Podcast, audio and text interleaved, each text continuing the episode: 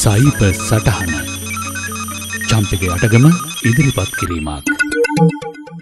චමත් පලිහපිටිය කියන නම බොහෝ දෙනෙක් නොදන්න වුනාට සිලික නිම්නය කේන්ද්‍ර කරගත් තාක්ෂණික දැවන්තයන්ගේ ලෝකයේ ඔහු ඉතා ප්‍රකට පුද්ගලෙක්.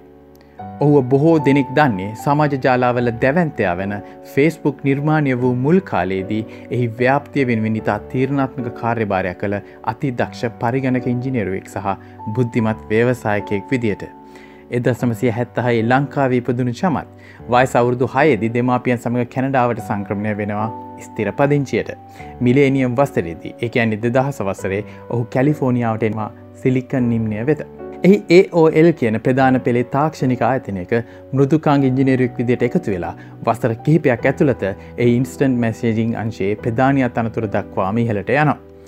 මෙ වෙනකොට ෆේස්බුක් පටන් අරං අවුරුත්තයි. ඒ නිර්මාතෘ මාක් සකබක් චමත්ගේ දක්ෂතාවය අඳුනගෙන ඔහුව පත් කරනවා ප්‍රවර්ධනංශ ප්‍රධානියෙක් විදියට.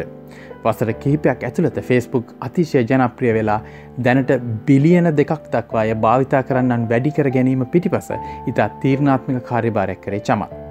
ඔහු දෙදස් එකොලයිදී ෆෙස්බුක් ආයතන නිවත් වෙලා තමන්ගේම ආයතනයක් පටන්ගන්නවා සෝෂල් කැපිටල් කියලා. අද ඉතා ලාබ ලබන ආයතනයක්. අද මම චමත් පලිහිපිටිය ගැන කතා කරන්න තියනෙ කරේ විශේෂ හේතුවකට. ඔහිතා නිර්භය අදහස් ප්‍රකාශ කරන ඉතා බුද්ධිමත් පුද්ගලෙක්. ඉතාම මෑතකදී ඔහි තමත් නිර්දය විවේචනයක් කරනවා මේ මොහොතේ සමාජ ජාලා විශේෂෙන්ම ෆේස්බුක් එය භාවිතක් කරන්නන්ව ප්‍රෝග්‍රම් කරන අයුරු සහ සමාජ වියමනම එය විසින් ඉරාදමන තැනකටේම පිළිබඳව.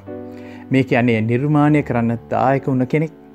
එවැන්නෙක් එ තමන්වත් තමන්ගේ දරුවන්වත් භාවිතා කරන්නේ නැහැ යනුවෙන් ප්‍රසිද්ධිය පවසන විට සහ එම තත්ත්වය නිර්මාණය කරන්න තමන්ගේ වූ දායකත්වය ගැන කනගාටුවෙන් කතා කරන විට එය විශේෂත්වයක් ගන්නවා.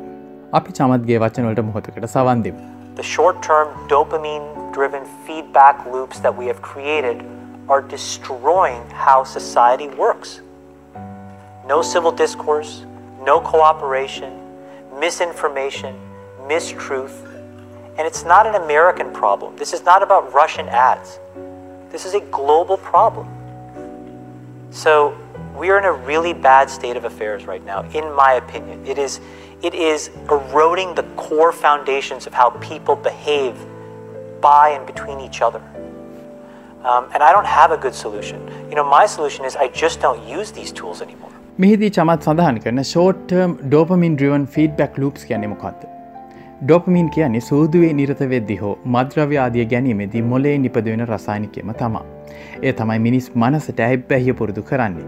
ෆේස්බුක් වගේ සමාජ ජාලා විසින් දෙන ලයික්ස් කමින්ටස් හාටස් තම් සපාදී එක් එන කෙටිකාලින උත්තේජනය විසින් තමන්ට ඒ ඩෝපමින් හිට් එකට මොහොතකට පෙර සිටියටත් වඩා හිස් බවක් උරුම කර දෙනවා. එනිසා ඔවුන්නේ උත්තේජනය නැවත ලබාගන්න ඒ තුළම කිමි දෙන විෂම චක්‍රයක් මත හිරවෙන බව තමා ඉන් අදහස් වෙන්නේ. චමත්ගේ මේ ප්‍රකාශයට මාසයකට කලින් ෆෙස්බුක්හි පළමු සභාපතිවරයා වූ ෂෝන් පාකද මෙවැනිම ආන්දොලාත්මක ප්‍රකාශයක් කරා. ඔහු පැවසිවේ මිනි සන්තානයේ ඇබ්බැහිවීමට හැකියාව ඇති දුර්වලතාවයක් ෆේස්බුක් නිර්මාණය කිරීමේදී ඔවුන් ඉතා සබුද්ධිකව හා දැනුවත්ව ප්‍රයෝජනට ගත් බවයි.